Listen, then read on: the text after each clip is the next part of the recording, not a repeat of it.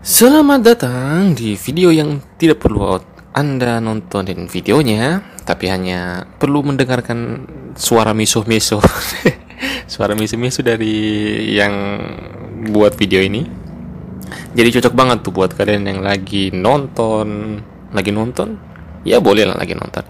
Lagi nonton, lagi dengerin uh, bapak lu ngomel-ngomel. lagi kerjain tugas lagi kerjain PR lagi uh, siapin acara buat nikahan lagi uh, lah pokoknya semua kegiatan lah bisa disambi dengan dengerin barang ini. Ah, minum dulu.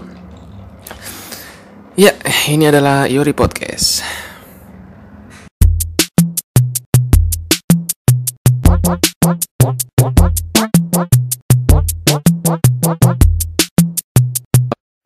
Halo para makhluk vertebrata. Ya.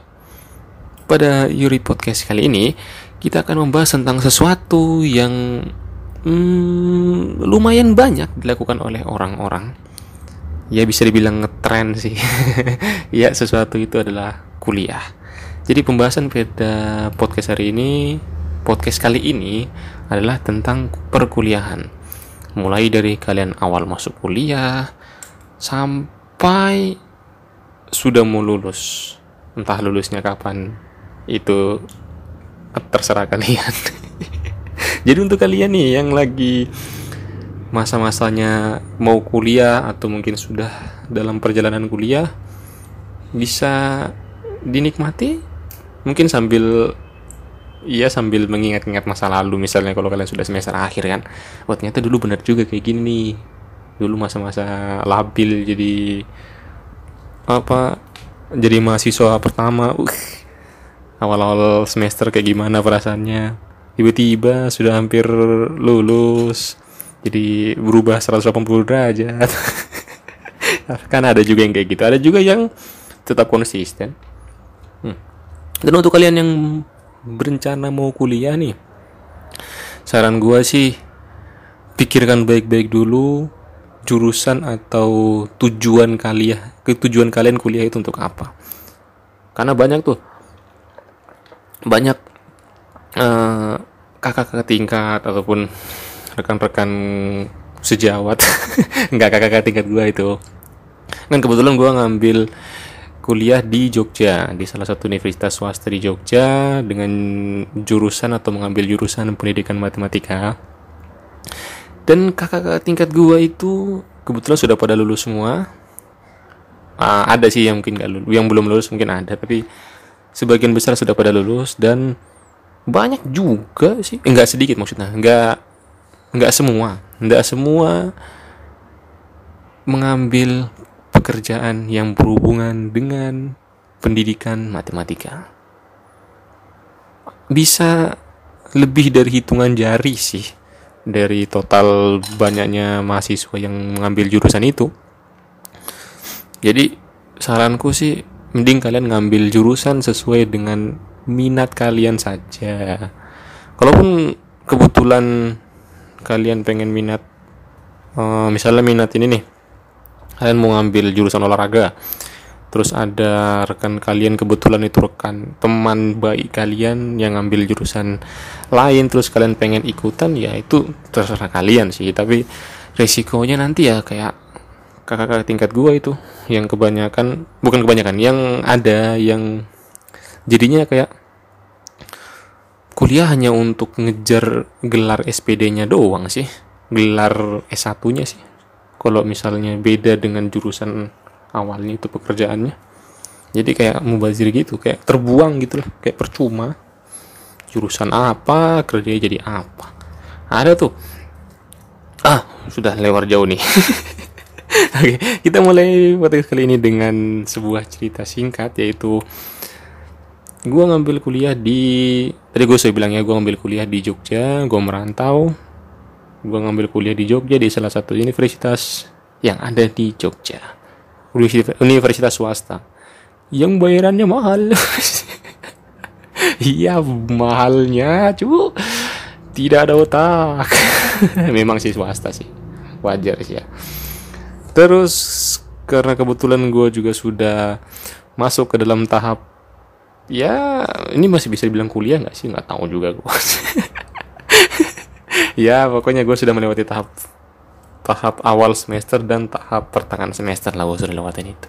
Jadi bisa lah jadikan apa namanya pertimbangan jadi pertimbangan dijadikan bahan cerita lebih tepatnya. Kita mulai dari awal awal awal gue masuk aja ya. Jadi awal gue masuk kuliah itu alasannya eh ntar awal-awal gue masuk kuliah itu ya kayak biasa sih sebenarnya sih. Yang luar biasa itu waktu gue memutuskan untuk kuliah di kampus tersebut. Alasannya sangat-sangat sederhana. Karena gue melihat kampusnya besar dan bertingkat-tingkat. Alasannya sangat-sangat hmm, bodoh kalau untuk orang kota. Karena kebetulan gue bukan orang kota nih yang jarang melihat rumah-rumah yang tingkat jarang melihat bangunan-bangunan megah.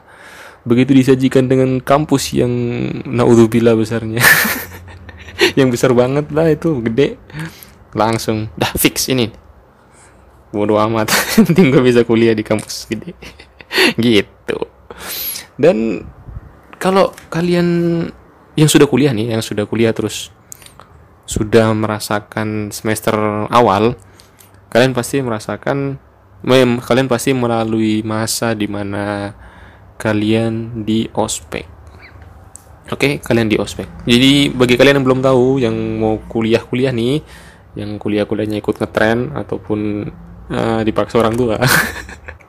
Jadi ospek itu dari kepanjangan dari tunggu lupa orientasi, studi, dan pengenalan kampus. Nah, itu dia.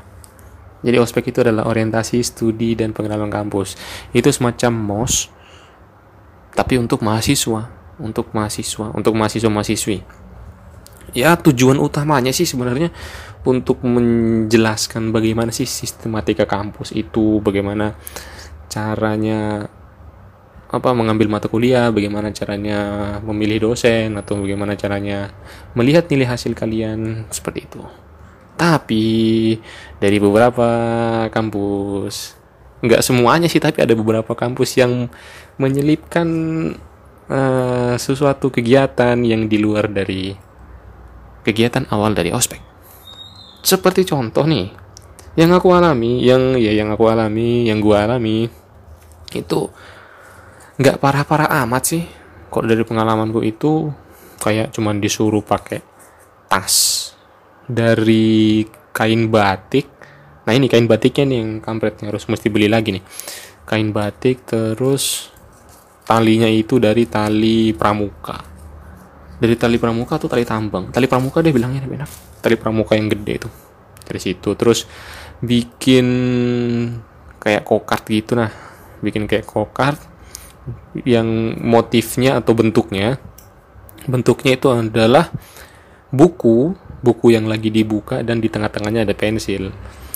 Jadi sebelum dihias nih apa kokartnya itu sebelum dihias masih dalam bentuk kardus karena kebetulan kokartnya itu dari kardus bentuk bikinnya. Jadi sebelum ditempel-tempel stiker ditempel-tempel apa pun segala macam bentuknya mirip burung mirip burung sumpah. Astaga mereka ini. Apa hukumnya? Ya kau apa hubungannya membuat kokar dengan studi di kampus? Tidak ada. Tidak ada. Sama sekali tidak ada tidak ada. Terus bawaan bawaan bawa barang bawaan maksudnya barang bawaan yang disuruh juga atau diminta juga. Ya nggak terlalu aneh-aneh sih sebenarnya. Cuma kayak bikin kemarin kalau punya gue itu apa ya lupa aku itu kayak kita nganyam menganyam sesuatu untuk ikat atau untuk tali untuk tali dari kokatnya itu. Itu nganyam tujuh benang wol. Lu bayangin aja cok cok laki-laki dia suruh nganyam. Kiplik.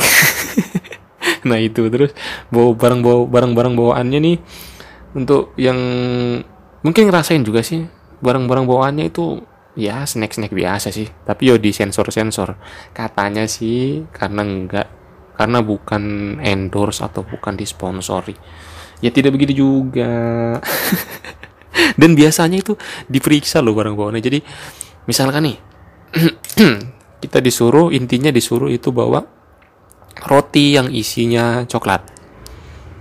Kan biasa banyak tuh roti isi coklat itu kan ada kan berbagai macam merek kan tapi mereka nyebutnya bantal isi lumpur atau bantal isi tanah liat.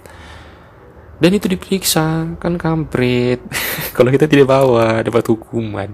Kan cacat. Kalau bagi orang yang punya IQ delusup IQ delusup IQ apa ya? IQ di bawah jongkok lah. Delusup IQ IQ IQ, IQ apa? IQ IQ yang rendah. Wih, ngejek banget. Pokoknya untuk orang-orang yang tidak paham, makanan sehari-harinya adalah dihukum. Jadi itu tidak ada hubungannya dengan studi di ska, di kampus tidak ada, tidak ada sama sekali. Selama gue kuliah tidak pernah ditanyai apakah rasa dari roti itu enak, tidak ada. Hanya sebuah keisengan dari kakak-kakak tingkat kalian nanti yang lagi kuliah. Dan itu mereka mengatakan dengan alasan uh, mereka melakukan hal itu dengan alasan untuk melatih mental. Wah, ada sebuah kejanggalan yang saya langsung dapat ketika mereka mengatakan hal tersebut. Melatih mental, melatih mental. Saya kuliah, ingin belajar, ingin menggapai cita-cita, gitu loh, Mas, Mbak. Kenapa malah disuruh begitu? Gitu.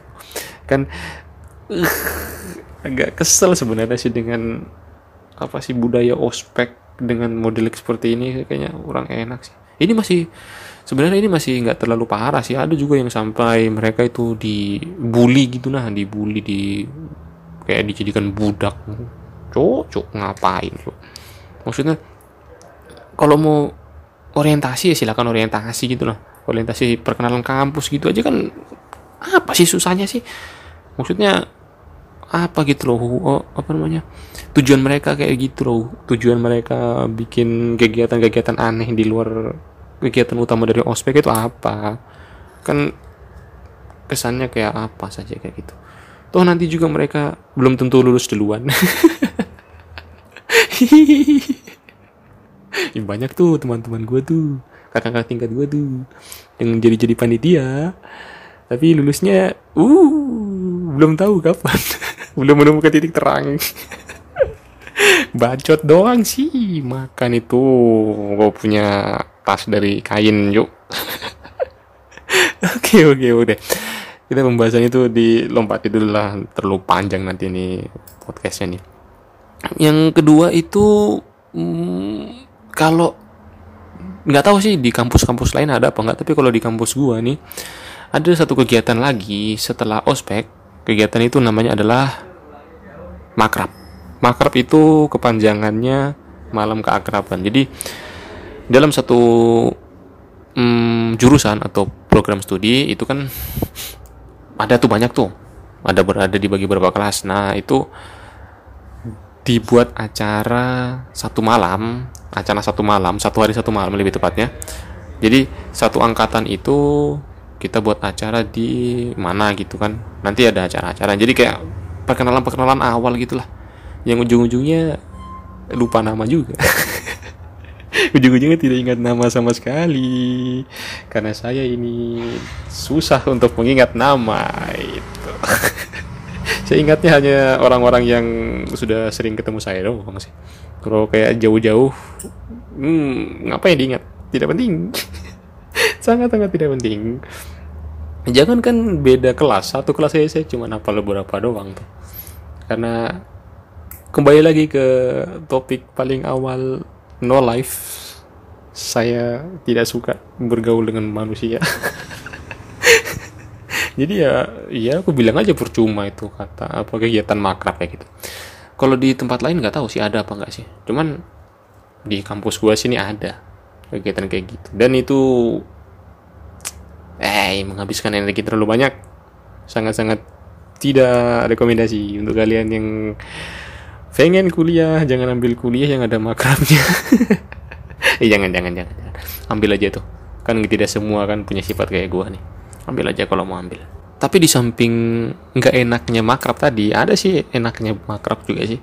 Enaknya itu kalau mm, makan makannya ya enak makannya enak. Makannya bukan makan makan murah makan yang mahal. Uh. Makan makan makan makan mahal bagi gua loh. Beda dengan makan makan makan makanan mahal bagi orang yang udah kaya beda. Gue cuma suka aja makannya di situ enak tuh. Kalau tidur ya bisa nggak enak nggak suka. Gue cuma suka ketenangan. Dah kalau soal makan kan ya bisa sendiri lah. Lu bisa jauh-jauh sendiri sana. Kalau kayak tidur kan lu kalau tidur sendiri pagi-pagi sudah di tempat lain. Mending kalau di tempat lain. Kalau di dunia yang lu tidak tahu di mana uh. Jadi holol yui. setelah kegiatan makrab itu setelah itu baru kita mulai masuk dan aktif kuliah. Seperti itu.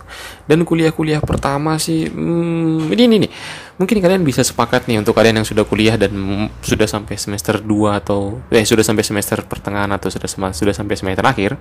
Jadi awal sekali kalian kuliah awal pertama hari pertama nih hari pertama kalian kuliah tuh rasanya ya senang. Kayak ih penasaran nih. Akhirnya kita bisa masuk ke dalam sebuah uh, platform uh, bukan bukan sebuah sebuah ruangan di mana kita tempat belajar yang kalau dari 9 tahun silam eh 12 tahun silam dari SD sampai SMA itu belajarnya menggunakan seragam yang sama. Tapi kalau di kampus tidak bebas. Kalian mau pakai baju apa? Sembarang. Kan jadi agak fresh lah keuntungannya di situ. Bisa pakai baju yang paling keren ya yang punya lu yang lu punya yang paling keren lu bawa aja. Enaknya di situ. Selain itu biasanya uh, tidak sedikit sih tidak sedikit orang yang awal-awal masuk itu rasanya sangat senang dia sangat gembira sangat berapi-api sangat uh, apa ya sangat excited lah dengan yang namanya kuliah itu loh. Ada yang sampai berangkat pagi-pagi sebelum jam sebelum jam kuliahnya masuk, eh, ada sebelum jam kuliahnya masuk ada. Ada yang yang rajin, yang bikin diri paling benar, paling pintar. gue udah ngerasain semua itu cuy. Eh, bukan ngerasain ding. Gue sudah pernah melihat orang yang seperti itu sudah sudah gue nikmati semua jujur nih ya gue punya cerita lagi nih jadi kan gue dari sebuah pulau yang di mana pulau tersebut adalah pulau yang hmm, apa ya bisa dibilang agak gue mau bilang itu tapi nggak enak nanti nggak enak. Pokoknya pulau pulau pulau Papua Barat itu pulau yang asing lah menurut orang-orang di sini orang-orang Jogja sini. Apalagi gue kalau bilang Manokwari tidak ada yang tahu. Selain itu selain alasan tadi tidak sedikit orang punya alasan yang lain. Sampai mereka itu begitu senangnya begitu excitednya dengan kuliah pada awal-awal semester. Mereka sampai biasanya sih kalau yang gue perhatikan dari semester kemarin, semester lalu, semester lalu, semester dahulu itu banyak yang jadi nggak tahu itu sifat aslinya apa bukan jadi mereka seperti menunjukkan kecerdasannya gitu nah bawa buku di apa ya dipegang di dada oh oh waktu itu itu namanya apa? Itu bawa buku tapi dipegang di dada dipeluk bukunya dipeluk di dada terus masuk sebelum jam mata kuliahnya berlangsung. Kalau gua ya nggak terlambat sih memang tapi pas lah tepat waktu gitulah sombong cuk. Tapi lebih parah dong lebih parah dia lebih lebih parah mereka dong. Yang sebelum masuk kuliahnya sudah datang lebih awal. Mereka duduk di depan jujur gue awal-awal semester juga gue duduk di depan. Karena uh, eh, gue nggak bisa terlalu lihat kalau jauh. Karena kebetulan satu kelas itu banyak jadi kalau nggak kedapatan tempat di depan otomatis paling belakang. Dan itu sangat-sangat susah untuk melihat. Jadi gue duduk di depan. Itu itu alasan yang wajar dong. Tapi kalau alasan yang lain itu mereka duduk di depan paling depan paling depan di depan dosen ya dengan style yang sangat wah kalau kalian lihat itu wah berpendidikan sekali mereka ini. Sangat-sangat uh, memegang teguh ilmu itulah kalau misalnya kalian lihat metaforanya seperti metafora uh, bahasa yang dilebih-lebihkan tuh apa sih namanya? Hiperbola. Pokoknya bahasa yang pokoknya ya ya begitulah. Ada juga yang ini bukan dari kelas gua sih ada juga gua sering banget lihat itu di lorong lorong lorong kampus itu banyak sekali ada yang nongkrong. Nongkrong itu pakai HP eh pakai HP pakai laptop pakai buku ada bukunya mereka kayak baca-baca buku gitu.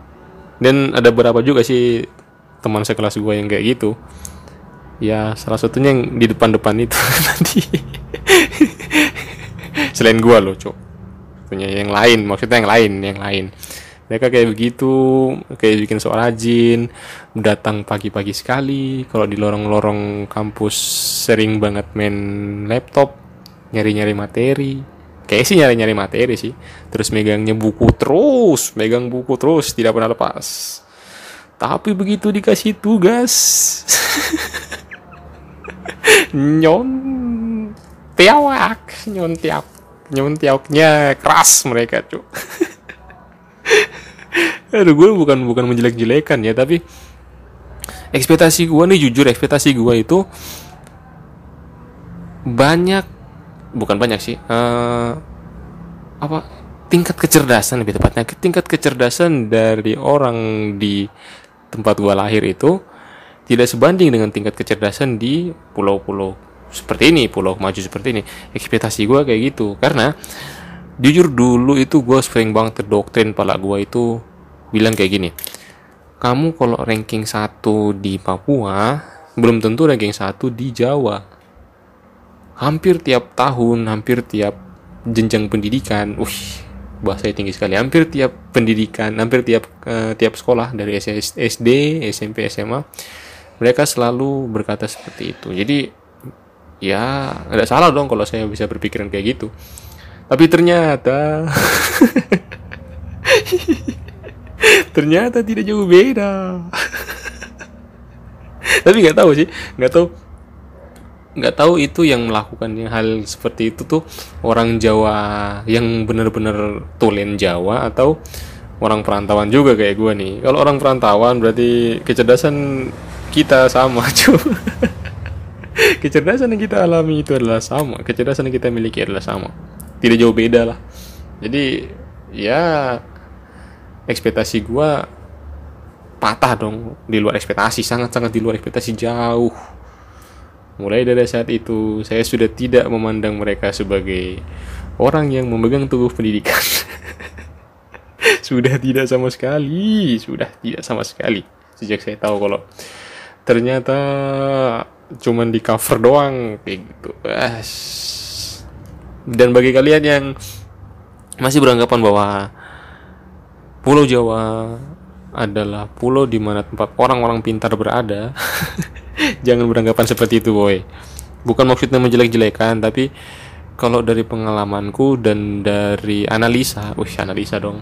Iya dari dari penglihatan sih. Dari penglihatanku sih sepertinya kata-kata itu kurang tepat.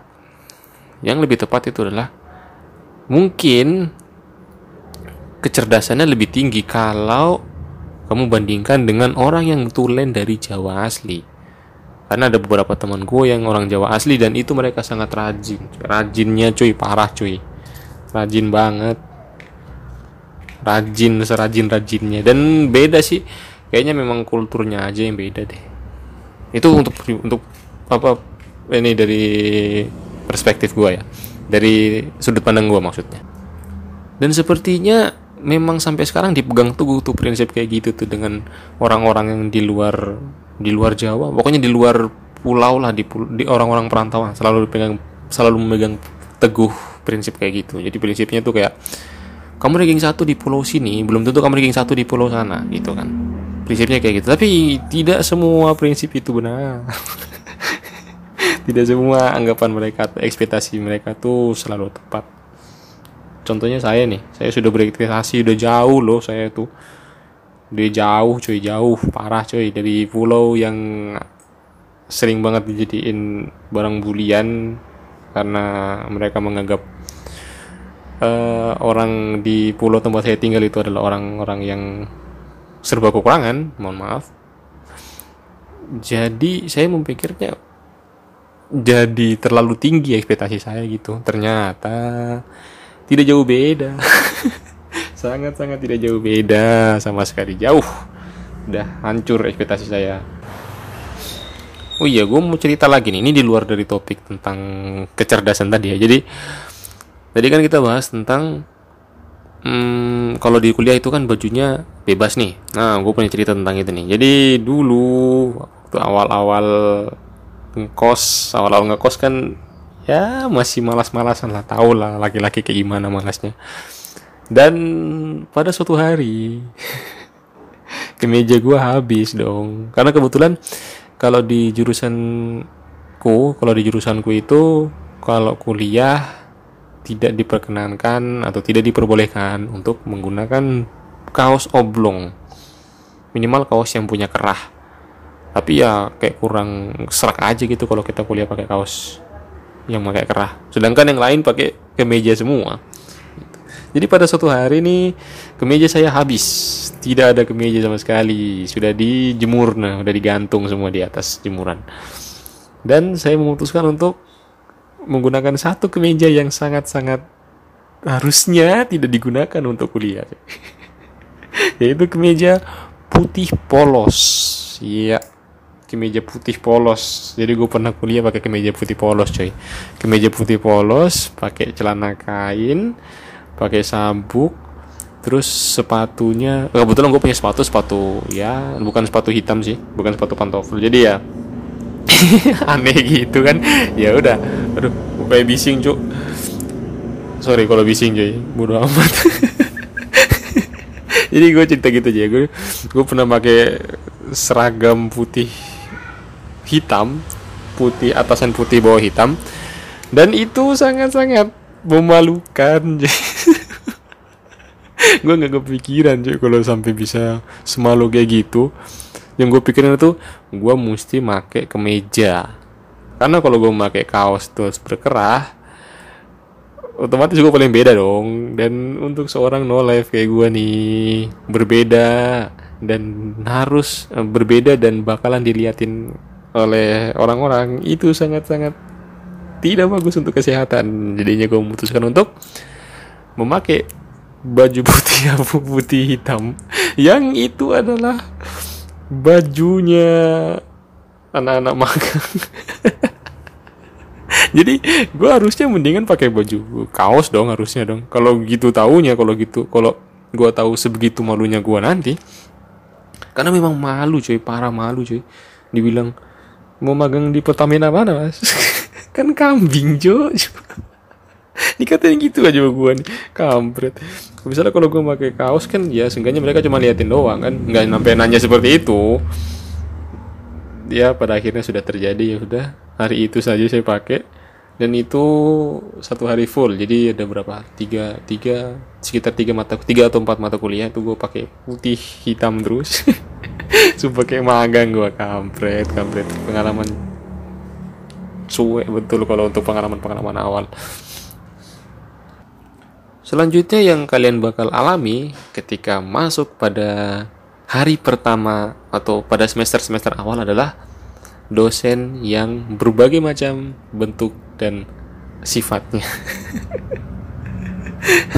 Gue sudah menikmati semua dosen. Ah, maksudnya menikmati cara mengajar beliau cara mengajarnya dari cara mengajar cara jalan cara berbicara semua sudah gue amati dan tidak ada dosen yang sifatnya sama. Memang sih tapi berbagai macam itu sangat-sangat uh, kita nggak bisa milih jadinya. Semua serba punya kekurangan dan kelebihan. Gue pernah gue punya cerita nih. Gue pernah kontrak satu dosen. Dan gue nggak tahu kalau dosen itu punya sifat yang sangat wadaw. Sifat yang sangat wadaw sekali. Aduh jadi gue punya gue pernah ngontrak dosen mata kuliah. Bilangnya mata kuliah aja lah biar kalian tahu mata kuliah apa. Jadi dosen ini sebelumnya biasa-biasa aja dan uh, apa sih kalau kesan pertama gue ketemu dosen ini dosen ini sangat-sangat disiplin. Sumpah dosen ini disiplin banget parah cuy. Jadi dosen ini tuh beliau mengajar tepat saat mata kuliah berlangsung dan berhenti ketika alarm beliau bunyi. Jadi alarm beliau bunyi itu ya sudah diatur sesuai dengan jadwal. Jadi begitu alarmnya bunyi meskipun itu lagi lanjut lagi ngejelasin materi langsung di stop jadi dilanjutkan untuk besok. Dan itu gue kagum banget sumpah. Gue kagum banget dosen seperti itu. Suka gue bencana pun tiba. Gue ingat-ingat lagi kampret. Sumpah itu. Bencana cuy. Bencana bencana. Jadi gue memang suka dengan dosen seperti itu. Dosen yang sangat disiplin. Disiplin parah itu. Pakai alarm cuy. Ngajarnya pakai alarm. Begitu alarmnya bunyi selesai dia cuy gitu. Tapi pada satu hari pada ya pada pada satu waktu deng pada satu waktu dosen ini beberapa kali tidak masuk.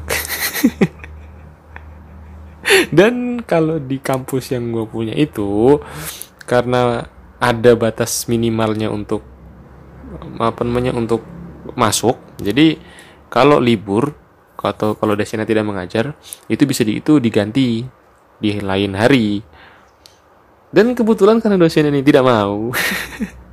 Gue lupa nih sebenarnya dosen ini tidak mau atau memang kesepakatan dari eh, teman sekelas gue semua. Dosen itu memutuskan untuk jamnya dimajukan setengah jam dan waktu pulangnya sesuai dengan waktu kuliah awal. Itu untuk sekitar tujuh pertemuan ke depan atau berapa berapa pertemuan ke depan gitu. Jadi dan yang gua paling mantap lagi adalah kuliahnya dimulai pada jam 7.00 pagi. Jadi tuh kuliahnya itu jam 7 pagi kuliah awalnya nih. Kuliah regulernya jam 7 pagi sampai sampai jam uh, eh, 8.45 jadi sampai satu satu jam 40 menit. Itu untuk dua SKS dua SKS apa tiga ya? Ya sekitar dua SKS jadi jamnya dimajukan 30 menit jadinya jam setengah tujuh. Sudah mulai kuliah dan pulangnya jam 8.45 menit. 8.40 deng sorry 8.40 menit. Gue nggak permasalahkan berapa waktu yang dipakai untuk belajar gue nggak permasalahkan itu. Yang gue permasalahkan yang gue permalah yang gue yang gue permasalahkan adalah awal jam pelajaran itu dimulai. Jam setengah tujuh coy. Gue pernah ngerasain kuliah jam setengah tujuh. Dan untuk dosennya nih dosennya kalau kita terlambat itu ditanyain. Ditanyain dikasih alasan. Dan ditanya ini kita disuruh berdiri di depan kelas. Dan untuk anak no live seperti gue ini disuruh berdiri di depan kelas adalah sesuatu bencana dan mau tidak mau dong berangkat jam setengah tujuh. Jadi sebelum jam 6 lah kita harus sudah siap prepare sembarang segala macam. Menabrak angin-angin malam sisa-sisa angin malam untuk berangkat kuliah sampai jam 9 kurang. Dan itu berapa kali pertemuan seperti itu terus sampai ujian? Kan wadaw sekali parah parah parah parah parah parah. Jam setengah tujuh pagi harus kita belajar. Dan itu mata masih melekat. Mungkin ya kalau gue nggak cuci muka nih. Mungkin kalau gue nggak mandi seandainya gue telat misalnya gue telat nih kan. Gue langsung bangun tidur langsung pakai kemeja siap semua lengkap langsung berangkat itu tai mata gue berhamburan sampai ke pipi mungkin. Karena gila cuy masih masih putih cuy mata cuy. Mata ini masih putih dan gelap. Dengan alasan kedisiplinan dosen juga akhirnya ada beberapa teman kelas gue tuh yang mengambil mata kuliah setelahnya. Jadi kebetulan kan beliau itu mengampu dua kelas dua kelas yang berbeda dengan mata kuliah yang sama dan jamnya itu bergantian. Jadi setelah jam pelajaran gue itu yang setengah tujuh tadi sampai jam 8 lebih lah setengah sembilan kurang eh setengah sembilan lewat itu setelah itu baru masuk ke kelas berikutnya. Nah karena ada beberapa teman gue yang tidak bisa ya nggak bisa bangun pagi lah tau lah. Malas cuy jadi mereka mengambil kelas yang setelahnya itu. Tapi karena gue ini nggak mau nih alasannya itu karena setelah jam ini jam mata kuliah yang pagi itu nanti sekitar jam setengah sepuluh tuh ada ada kuliah lagi. Dan kalau gue mengambil kuliah langsung yang siang yang ambil jam yang siang gue tidak ada istirahat. Gue gak mau jadinya ya taruhannya kuliah pagi deh gitu. Selain dosen itu ada beberapa sih dosen-dosen juga yang memiliki sifat yang wadaw. Memiliki kepribadian yang uh, sangat-sangat lucu dan mengemaskan. Ada beberapa dosen salah satunya yang tadi itu yang dosen kedua. Yang paling gue ingat itu ada dosen ya beliau ini sudah berumur lah sudah sudah makan asam garam berapa puluh tahun di dunia gitu kan. Sifatnya itu ya ya itu lebih nggak nggak separah dosen sebelumnya sih. Kalau dosen kalau dosen sebelumnya kan lebih ke arah disiplin. Nah kalau dosen yang satu ini beliau itu suka menghina. Jadi suka menghina-hina tuh orang tuh kalau lagi pelajaran dihinanya nama-nama muridnya dihina nama-nama mahasiswanya dihina. Gue nggak mau sebutkan nama namanya. Takutnya kalian tahu kan? Malah malu nanti. Pokoknya ada dosen yang suka menghina. Dan nanti kalian bakal ketemu juga. Untuk kalian yang mau mau kuliah nih persiapkanlah. Karena tidak semua dosen itu enak tapi kembali lagi ke masalah sebelumnya karena ini masih awal-awal semester nih jadi ya sekitar 99,9% mahasiswanya masih berapi-api gitu untuk menggali ilmu dalam sebuah kampus. Nanti begitu kalian masuk ke tahap pertengahan atau semester pertengahan, itu sudah mulai rasa-rasa malas sudah mulai menggoda. Yang awalnya itu bangunnya pagi dan belajar karena mungkin sebagian orang masih terbiasa dengan kebiasaan pada sekolah dasar, SMP atau SMA yang biasanya orang kalau bangun pagi itu langsung belajar. Tapi kalau kalian masuk SMA, eh, masuk mata kuliah, masuk kuliah, masuk dalam dunia perkuliahan dan masuk di pertengahan semester, ada kemungkinan kebiasaan itu sudah mulai redup. sudah malas-malasan. Tapi tetap aja tetap masih semangat mau kuliah meskipun ya ada sedikit berat di hati. Nah, dalam fase ini juga nih, dalam fase pertengahan kuliah, eh pertengahan semester juga nih, kalian bakal ngerasain kalau sebenarnya kalian salah mengambil mata kuliah.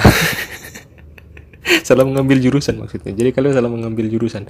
Pemikiran ini paling sering banyak ya, paling paling banyak sih, paling banyak dipikirkan oleh mahasiswa-mahasiswa yang sudah semester-semester pertengahan sampai dibuat meme-nya dulu kan karena tidak tahu karena tingkat kesusahannya makin meningkat atau mungkin rasa malasnya itu jadi rasanya uh kayaknya salah ngambil jurusan deh jadi mikir kayak gitu deh. Sebab tapi kalau gua sih ndak sampai mikir kayak gitu sih.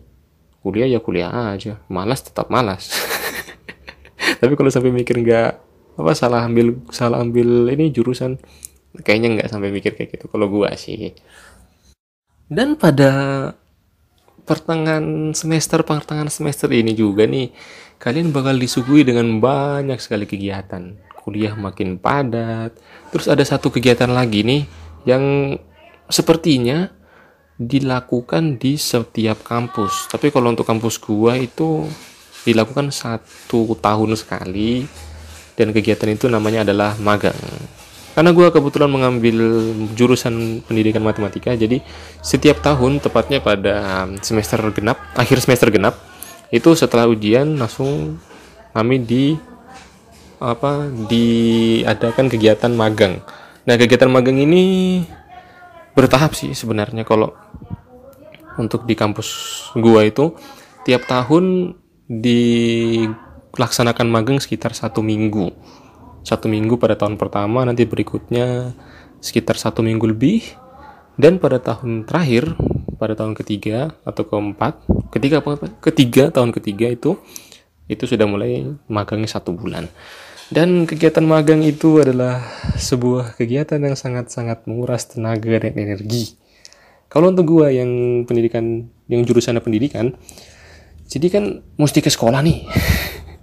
Dan kecil kemungkinannya kalau mendapat sekolah yang dekat dengan kos atau kontrakan sangat kecil sekali kemungkinannya karena gua merantau dan ngekos gua itu dekat kampus dan biasanya kalau untuk sekolah apa kalau untuk sekolah di tempat magang sekolah yang dijadikan apa objek tempat magang itu adalah sekolah-sekolah yang ya belum istilahnya belum inilah belum belum sebagus yang diharapkan kampus. Misalnya kayak sekolah-sekolah negeri yang sudah tinggi yang sudah maju yang sudah bagus lah yang akreditasinya A segala macam itu kemungkinan kecil tidak diambil oleh sekolah eh oleh kampus.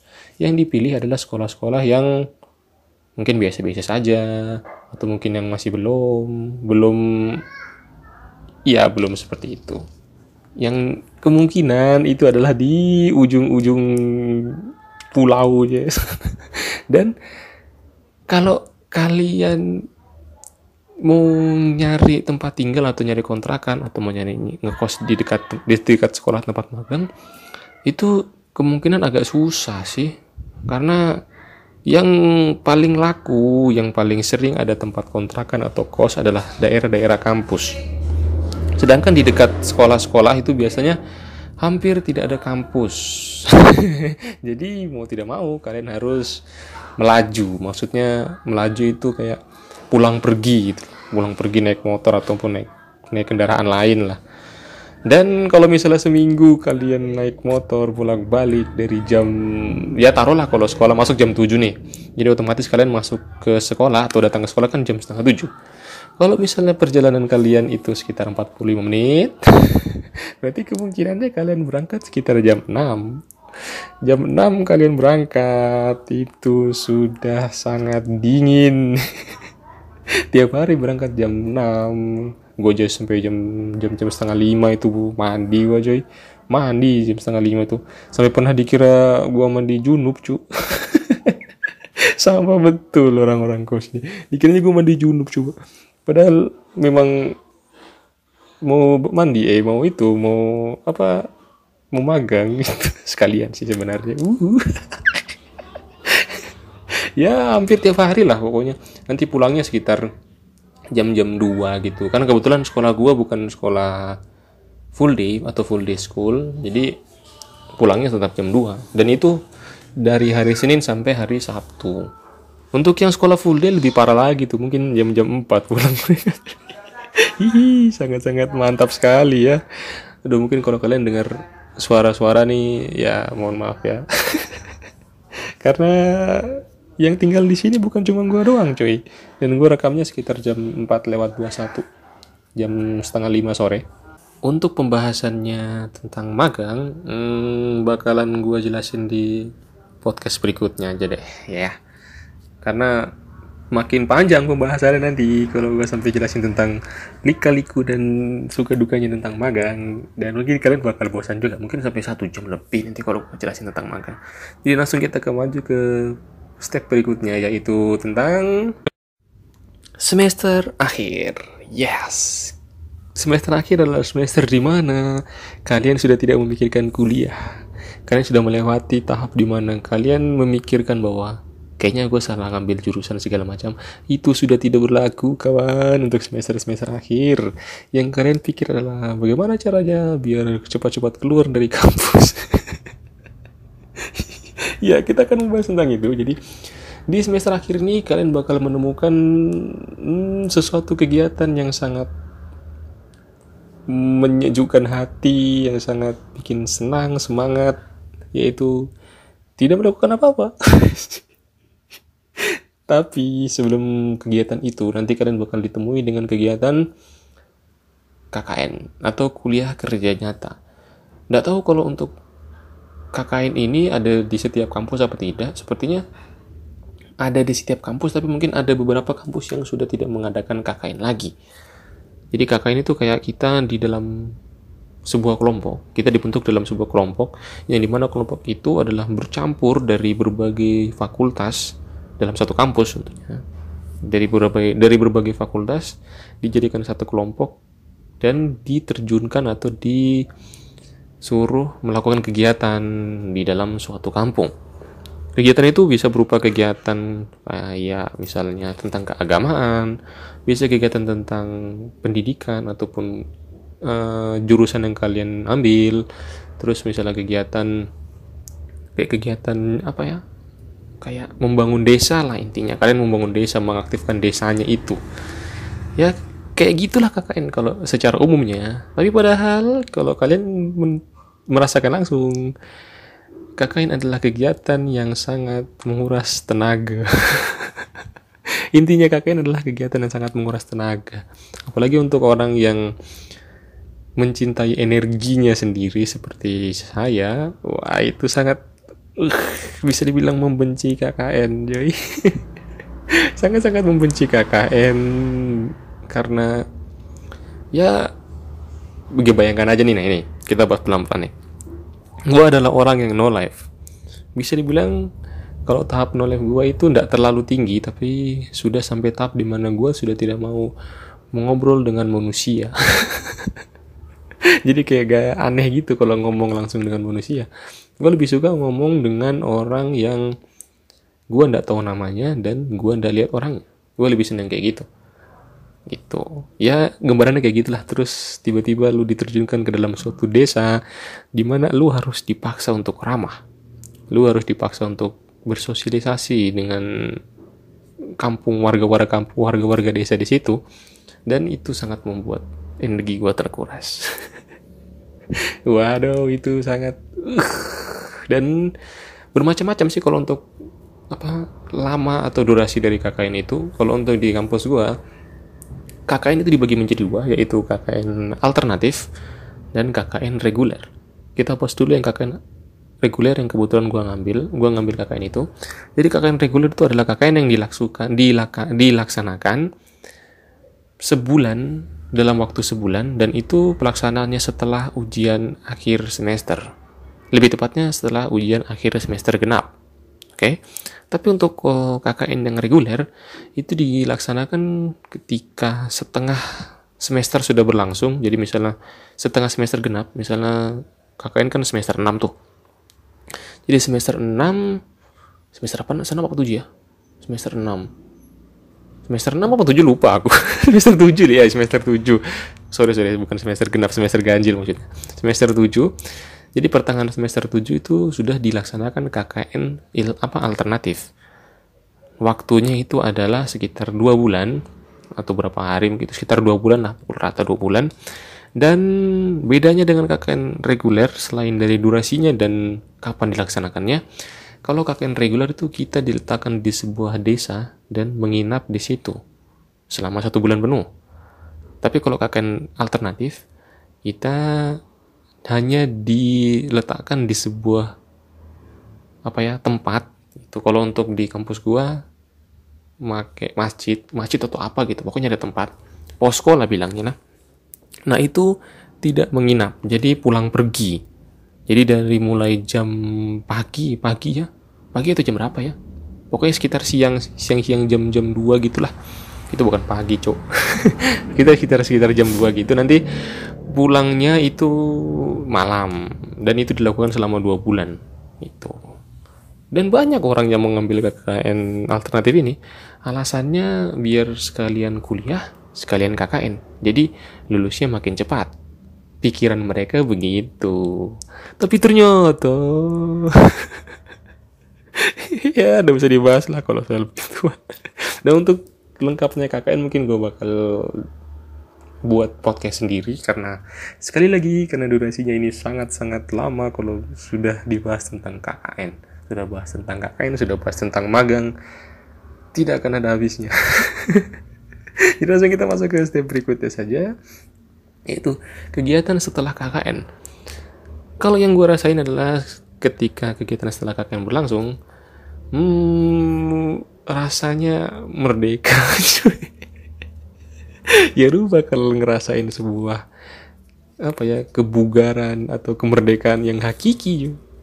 karena kalau untuk gua sih sudah nggak ada kuliah. Jadi setelah kakak itu sudah kosong sudah nggak ada kuliah sama sekali.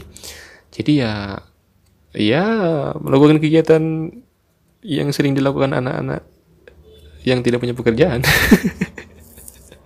hanya bangun tidur main game bikin kopi makan tidur lagi. Begitu terus sampai. Capek. Ya intinya setelah kakain kalian bakal ngerasain sesuatu yang sangat membosankan sekali. Itu sih tapi untuk kalian yang rajin yang mempunyai jiwa yang perfeksionis nih yang tidak mau menghabiskan waktunya untuk bersantai-santai gue salut sih. Hebat lu pada cuk. Hebat banget cuk. Lu kayak nggak punya beban cuk. Lu kayak kayak apa ya kayak menjunjung tinggi sebuah ilmu gitu nah aduh sangat sangat hebat sekali manusia manusia kayak gitu ya. Gue kasih applause deh. Nih kedengaran gak nih? Oh, tuh, plus tuh. Nah. Selamat buat kalian yang sangat-sangat uh, apa ya semangat lah kalau setelah kakak ini tuh kegiatan yang ngapain dan nggak diisi dengan kegabutan selamat karena kalian sudah melewati tahap yang sangat sangat susah dan kalian terkesan seperti tidak mempunyai beban uh Waduh, kok kayak menjatuhkan orang sih. udahlah daripada makin panjang lebar nih pembahasannya jadi kita akhir aja podcast pada kali ini. Nanti silakan ditunggu podcast berikutnya atau mungkin kalian yang belum dengerin podcast gue sebelum sebelumnya nanti gue bakal taruh di akhir video di mana tinggal diklik aja tuh nggak usah di search lagi. Gampang tuh tinggal diklik. Simple tinggal didengarin aja. Seperti biasa podcastnya tidak ada gambar ataupun tidak ada face cam jadi tinggal ditaruh di speaker udah lu ngapain bebas lah. Atau mungkin kalian kalau sudah tahu nggak ada gambar atau kualitas gambarnya mungkin kalian nggak suka kan nggak ada gambarnya cuk. Nggak ada gambar nggak ada videonya cuk. Kalian buat menjadi ukuran paling kecil aja itu sudah sudah ya sudah sudah enak lah dari berbuang-buang kota sayang juga coy. Kota anda. Kecuali kalau anda menggunakan wifi tetangga atau mungkin wifi di hotel atau di apartemen silakan bebas. Yang penting kalian bisa terhibur dengan podcast gue semoga. Dan semoga gue bisa bikin podcast podcast yang lebih seru lagi temanya. Kita akhiri kita akhiri podcast pada kali ini dengan ucapan selamat kuliah bagi yang belum. Bye bye